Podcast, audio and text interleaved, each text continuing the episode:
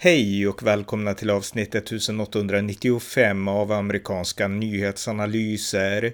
En konservativ podcast med mig, Ronny Berggren, som kan stödjas på swishnummer 070-30 28 95 0. Högsta domstolen har, efter sitt beslut som stoppar rasbaserad kvotering på amerikanska högskolor, nu kommit med två nya besked. Dels stoppar Högsta domstolen president Bidens plan att avskriva 400 miljarder i studielån. Därtill ger Högsta domstolen en grafiker rätt att i yttrandefrihetens namn neka samkönade par sina specifika tjänster. Här samtalar jag med min svensk-amerikanske kollega Björn Nordström om detta. Varmt välkomna! Björn Nordström, välkommen! Tack så mycket. Vi poddade igår om det här, eller var det i förrgår till och med, som vi gjorde ett avsnitt om, det var i torsdags till och med, det var om Högsta domstolen när de då beslöt att avskaffa inkvotering på amerikanska högskolor, ett historiskt beslut. Sen gick det bara typ ett halvt dygn till, eller bara några timmar kanske, så släpptes två nya stora historiska beslut från Högsta domstolen. Kan du berätta lite kort om dem? Ja, jag vill bara återgå snabbt till det första, då, det här med att de ville avskaffa då affirmative action, vilket, är, vilket vi, vi pratade om för ett par dagar sedan. Mm. Och jag tittar på uh, opinionsundersökningar och majoriteten av amerikaner är emot affirmative action. Endast en tredjedel såg jag av, av amerikaner är för uh, att man ska kunna, att universitet ska kunna använda sig av Kvotering. etnicitet som kvoteringar, precis inkvoteringar. Medan 50 procent är emot så är väl då mellanskillnaden där blir väl de som inte riktigt vet va. Eh, demokrater är mer för, republikaner är mer emot, men även många demokrater är emot det med. Så att opinionen i USA stödjer HD-beslutet med. Jättebra att du tog upp det, för det, vi visste inte det i förra podden, utan då ställde vi frågan ungefär hur, hur yeah. det ser ut, så att mycket intressant. Och jag minns att du nämnde sak också på Messenger, och det är att Arizona, yeah. din delstat, där yeah. är affirmative action redan förbjudet. Ja, det är tydligen uh, ungefär tio delstater Eh, redan nu. Men 2010 så delstaten Arizona förbjöd affirmative action. Med andra ord delstaten Arizona för 13 år sedan förbjöd universitet från att använda sig av etnicitet och hudfärg som ett kriterium för att, uh, för att välja ut vilka som ska plugga och inte plugga på delstatens universitet. Det var tydligen en folkomröstning om det 2009 och 60 procent av, av, av uh, invånarna i Arizona röstade för att man, att man ska förbjuda affirmative action, med andra ord den diskrimineringen.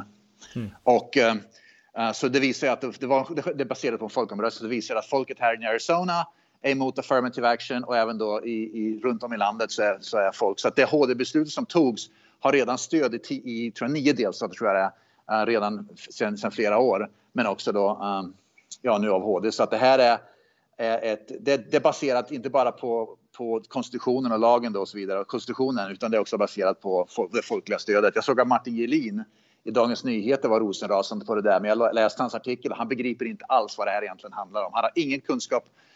Han är utrikeskorrespondent och här i USA för DN, men hade ingen kunskap, visade ingen kunskap för konstitutionen, hur affirmative action fungerar, utan han bara rabblade upp massa, vad ska man säga, uh, känslomässiga argument. Och hans, grundar, hans grundargument bygger egentligen på att svarta är, är mindre begåvade, därför måste de kunna komma in på universitet baserat på hudfärg. igen. Så att han, han gjorde en rasistisk tolkning av det hela. Du, du, då måste jag göra en kort avstickare. Jag håller nämligen på att läsa hans bok just nu. Boken heter, Aha. den skrevs i höstas, den heter Den vita stormen, rasismens historia och USAs fall.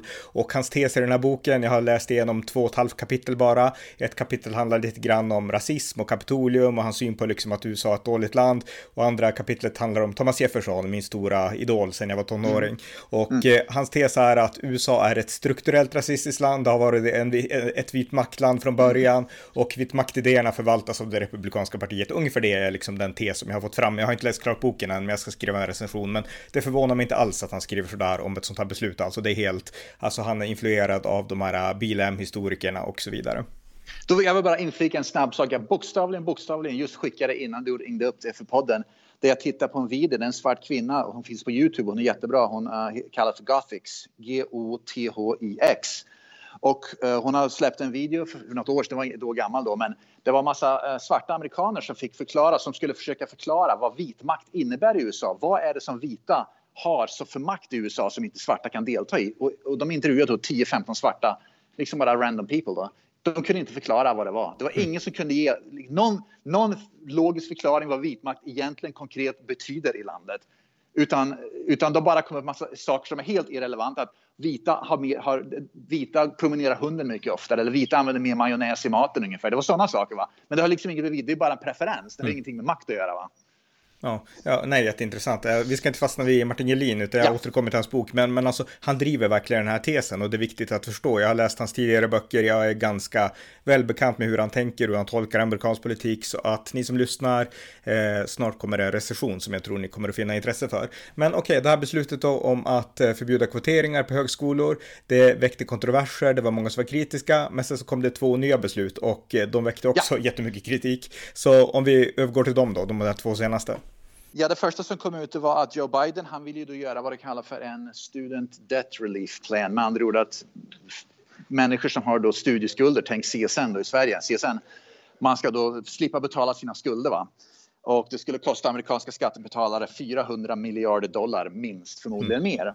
Men HD kom fram till att Biden har inget, har inget stöd i konstitutionen, det finns inget stöd i lagen för det. Och de förbjöd alltså att det ska kunna inträffa. Och det de gjorde också, det John Roberts gjorde i, sin, i sitt eh, skriftliga uttalande där, då, det var han som skrev den opinion då. Han, han, han citerade Nancy Pelosi. Nancy Pelosi 2021 sa också att hon är emot att presidenten ska kunna göra en, att Biden ska kunna göra en student debt relief därför att det är kongressen, enligt, enligt Nancy Pelosi är det kongressen som måste stå bakom det här beslutet genom en kongresslag, inte en presidents executive order. Så att han citerade då, citerade då Nancy Pelosi väldigt smart för att visa att till och med hon, Nancy Pelosi 2021 då, när hon var då um, uh, speaker. speaker of the house, precis. Hon stödde också det som HD just gjorde. Va? Så det är ett stort beslut i alla fall. Och det som är bra att det beslutet togs därför att Bidens plan är extremt orättvis. Så jag kan ge ett exempel på vad det här skulle innebära. Säg att du har två stycken uh, före detta personer som, som har pluggat på högskolan, bägge har då säg, en miljon svenska kronor i studielån här i USA. Den ena jobbar inom IT-branschen, pluggade IT, jobbar inom IT-branschen och har betalat sitt studielån efter tio år till exempel. För man har haft ett bra jobb, man har tjänat massa pengar och så har man då varit ansvarig och tagit ett jobb då och betalat tillbaka sitt studielån. Den andra personen då studerade på samma skola, säg rysk 1700-tals poesi. Det finns inte en käft här i USA som vill anställa någon med en universitetsutbildning Eh, som har en universitetsutbildning i rysk 1700-talspoesi. Personen hamnar på Starbucks eller McDonalds, tjänar minimilön, kommer inte att kunna betala tillbaka sitt studielån. Va? Det, vare sig man vill eller inte. Det var ett oansvarigt val. Man, man får plugga vad du vill. Men Biden ville då att den personen som var ansvarig att plugga IT och jobba tillbaka sitt lån, den får liksom ingenting. Men den som är oansvarig eller den som då pluggar någonting som samhället inte har något form av intresse av att anställa. Mm. För arbetsgivare struntar i 1700-talspoesi från Ryssland. Va? Mm. Den personen ska då få, få slippa betala sina studielån. Va? Det är oerhört, oerhört orättvist. Och så skapar en akademisk, inte överklass kanske, för de här har ju sina Precis. ekonomiska trångmål, men det blir ändå så att de här unga amerikanska pojkarna och kvinnorna som går ut i ja. arbetslivet när de är 20, jobbar på liksom, ja. inte vet jag, oljefält, fabriker, vart som helst, liksom ja. inom sjukvård kanske. Jag menar, de måste bära upp de här som lever liksom, om man kan säga ungkarlsliv tills de är 30 liksom. Eh, vi, det, ja. det är det som händer. Så. Och vet du vilka det är som har pushat på Biden att ge, att ge det här student debt relief? Det är universiteten. Det är universiteten som vill det här därför att de tjänar massa pengar på det här. Om det här kan fortsätta, de har ju satt det här i system. Va? De erbjuder massa totalt meningslösa utbildningar som arbetsgivare inte anställer. Men det måste, för att det då finns universitetsprofessorer som har 1700-tals rysk poesi som sin specialitet. Va? Det enda de duger till att undervisa det på ett universitet. Va? Så man har liksom satt det här i ett slags ekorrhjul då, ett system att skapa en helt ny ekonomi kring det här. Och då har de ett intresse av naturligtvis att Biden ska kunna förlåta då studielånen så att de kan fortsätta med det här systemet som, som utbildar människor i någonting som är helt värdelöst, som inte duger till någonting i samhället. Du mm. får plugga vad du vill, men låt inte skattebetalarna betala för det när det inte leder till något jobb. Nej, nej, precis. Och på tal om studielån så det stod i en artikel 2021 om The Squad, för att jag googlade på det här nu, att de har studielån allihopa, Ilan Omar, Rashida Tlaib ja. och så vidare, de har studielån. Och jag tror, när du nämnde Nancy Pelosi, att hon är ju under grund och botten en kvinna som har växt upp i en generation och en tid när kvinnor behövde arbeta, så man fick det inte gratis. Ja. Sen kan man tycka ja. vad man vill om hennes politiska åsikter, men hon växte ändå upp i en sån tid. Och jag tror att hon var emot det här, därför att hon fattade, som alla fattade, att det här funkar liksom inte. Sen tror jag att hon kan ha pressats av just The Squad. Jag fick för mig det, jag har inte hittat det just nu, men jag har en sån här vak minne av att det kan ha varit så på just den här frågan. Ja, jag såg också att det var en, en före detta delstatspolitiker i delstaten New York, demokrat naturligtvis. Det visar hyckleriet. Va? Hon, är, hon har satt i, i, i Demokraternas, då, uh, i kongressen i, i delstaten New York då, i flera år som demokrat. Hon är tydligen advokat och tjänar hur mycket pengar som helst men hon har varit förespråkare för det här student debt. Hon vill ha en student debt relief. Men samtidigt hon själv äger ett hus som är värt över en miljon dollar motsvarande 10 miljoner svenska kronor. Va? Mm. Så att hon är liksom en rik, men att hon, så att demokrater som är rika vill också dra nytta av det här naturligtvis. Mm. För att hon har då massa studielån själv som hon vill liksom har förlåtit så att hon ska slippa betala tillbaka. Va? Även om hon tjänar pengar och har ett hus som är då är värt 10 miljoner spänn. Mm. Och det här visar verkligen hur inrotade de här konstiga och knäppa idéerna om strukturellt förtryck verkligen är. För jag menar, jag har också studielån, CSN-lån från min studenttid. Jag, med. jag menar, ja, du till och med du i din ålder. Ja, absolut. Jag, betalar, jag bor i USA, jag betalar studielån i 25 år. Jag betalar fortfarande tillbaka mm. studielån till Sverige. Kommer göra det närmsta 15-20 åren. Ja, ja, nej, men min tanke, min tanke har aldrig slagit, alltså det har tanken aldrig slagit mig att det är klart jag har rätt att inte ha lånen. Jag menar, det är ju mitt val. Det var jag som tog lånen. Precis. Liksom. Precis. så att, ja.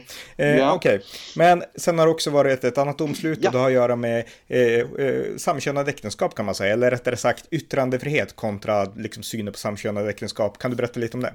Ja, det är religionsfrihet egentligen. Det började egentligen med, det var ett antal år sedan, det var ett bageri i delstaten Colorado och bageriet då det är tydligen en kristen då som äger det bageriet och en, ja, ett, ett, ett samkönat samäktenskap. Ett par kom in och ville gifta, som då skulle gifta sig och ville ha en tårta då för samkönade. Med andra ord, jag tror två, två män eller två kvinnor. Jag minns inte exakt detaljerna där.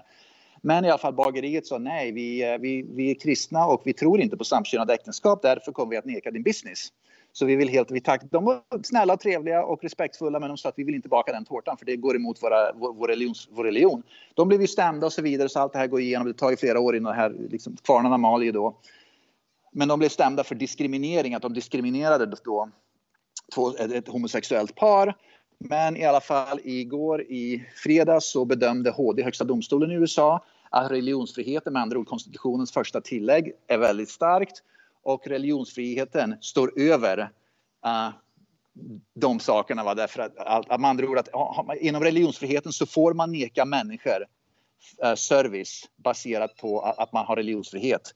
Uh, även om då det citattecken då skulle diskriminera någon eller neka mm. någon människa en service. Mm. Så, precis, precis. religionsfrihet, religion, de skyddar religionsfriheten. Så ja, och sen tror jag just det här, för det, det var två fall, det där kakan, det tror jag var tidigare, men det här, det är samma grej egentligen. Just yeah. det här i Colorado, det var en graphic designer. Ja, ah, graphic designer, så var det ja. Precis, och de ville ha någon yeah. slags, alltså en webbsida, de här samkönade, en webbsida för sitt bröllop. Och den här graphic designern sa att, ja men jag vill inte göra det till just samkönade. Och det är det som yeah, okay. den här personen nu har fått rätt till liksom. Så att, men, okay, men det, så det Ja, ja. Det första var tror jag kakan också. Det handlade om en, en tårta som skulle byggas. Så det finns flera, ofta när sådana här saker hamnar i domstolar, precis som, som det som var då med affirmative action och det här beslutet då i, i torsdags. Det var både ett, ett domstolsfall, ett, ett fall då i Harvard University i North Carolina. Så ofta är det flera det är inte bara ett, utan ofta är det minst två eller flera då som liksom, de bakar ihop det till ett beslut. Precis, men, men det beslutet, Kakan, det var 2018 och då handlade det om alltså, religionsfrihet, men det här handlar ja. specifikt om det första amendment, alltså om man ska kunna, ja. och då konstaterar man att Colorado, där det här tidigare var liksom, du behövde lyda liksom, nej, personen har frihet att bestämma, det är liksom det första amendment. Så att det är liksom, fri, alltså vad högsta domstolen gör, oavsett detaljerna, är det att de ställer sig på frihetens sida. Och eh, de som invänder, de menar att nej, men de ställer sig på förtryckets sida, men faktum är att friheten trumfar ungefär liksom, man kan gå till en annan, man kan göra liksom, ja, Precis. man kan inte tvinga människor att mot sin vilja göra något de inte vill. Precis, och det, där, det, det är helt rätt att summera det på. Att friheten finns. Du har också en frihet att gå till någon annan. Det är hur lätt som helst att hitta någon annan som vill trycka upp den där äh, planschen eller vad det nu är, eller baka den där tårtan. Det är jätte, mm. jättelätt. Så det är inga problem egentligen. Så att det de stämmer för det är att de förbannade då vill hämnas på en viss, på en viss personer. Det är ett hat. Mm. Det bygger, stämningen de lämnar in på, mot företaget, mot till exempel tryckeriet då, eller bageriet, det bygger på hat. Man vill hämnas, man vill jävlas, man vill liksom bestraffa dem. Istället för att använda sin egen frihet att okej, okay, skiter jag väl av det. Då går jag till bara till, till butiken mitt emot som faktiskt bakar den där kakan. För de, de har liksom en annan uppfattning om det. Va? Mm. Men så det handlar om att man vill bestraffa någon och liksom är intolerant mot dem helt enkelt. Mm, mm. Ja, precis. Perfekt. Ja, ja, Men det här, och båda de här besluten har blivit väldigt kontroversiella såklart. Men alltså det här visar verkligen att John Roberts, vi kan avsluta det med chefsdomaren ja. då, han har verkligen, han fick kritik för att han var lite för mjuk tidigare och sådär. Att han har drivit ja. igenom vissa andra frågor åt ett håll som liksom man kanske inte trodde som konservativ. Men han har gjort en comeback och han har verkligen drivit fram nu de här konservativa besluten i liksom rätt riktning, kan, kan, tycker de flesta liksom som är konservativa. Ja, och bara för att nämna en sak till. Precis som det beslutet i torsdag som affirmative action så var det 6-3 och 6-3 i de här omröstningarna med. De mm. konservativa domarna röstar på ett sätt, de liberala på ett annat sätt. Och John Roberts skrev två stycken av tre, två av de här tre opinions då, vilket visar att han var väldigt, han, han, han var väldigt starkt engagerad och han var den som ville ta gå i täten för det här för att han kände väldigt starkt. Så att, precis som du säger, John Roberts har kommit tillbaka och verkar vara i fin form nu. Mm, precis. Ja, men tack så mycket. Tack så mycket. Tack för att ni har lyssnat på amerikanska nyhetsanalyser. En konservativ podcast som kan stödjas på swishnummer 070-30 28 95 0 eller via hemsidan på Paypal, Patreon eller bankkonto. Skänk också gärna en gåva till valfri Ukraina-hjälp. Allt gott tills nästa gång.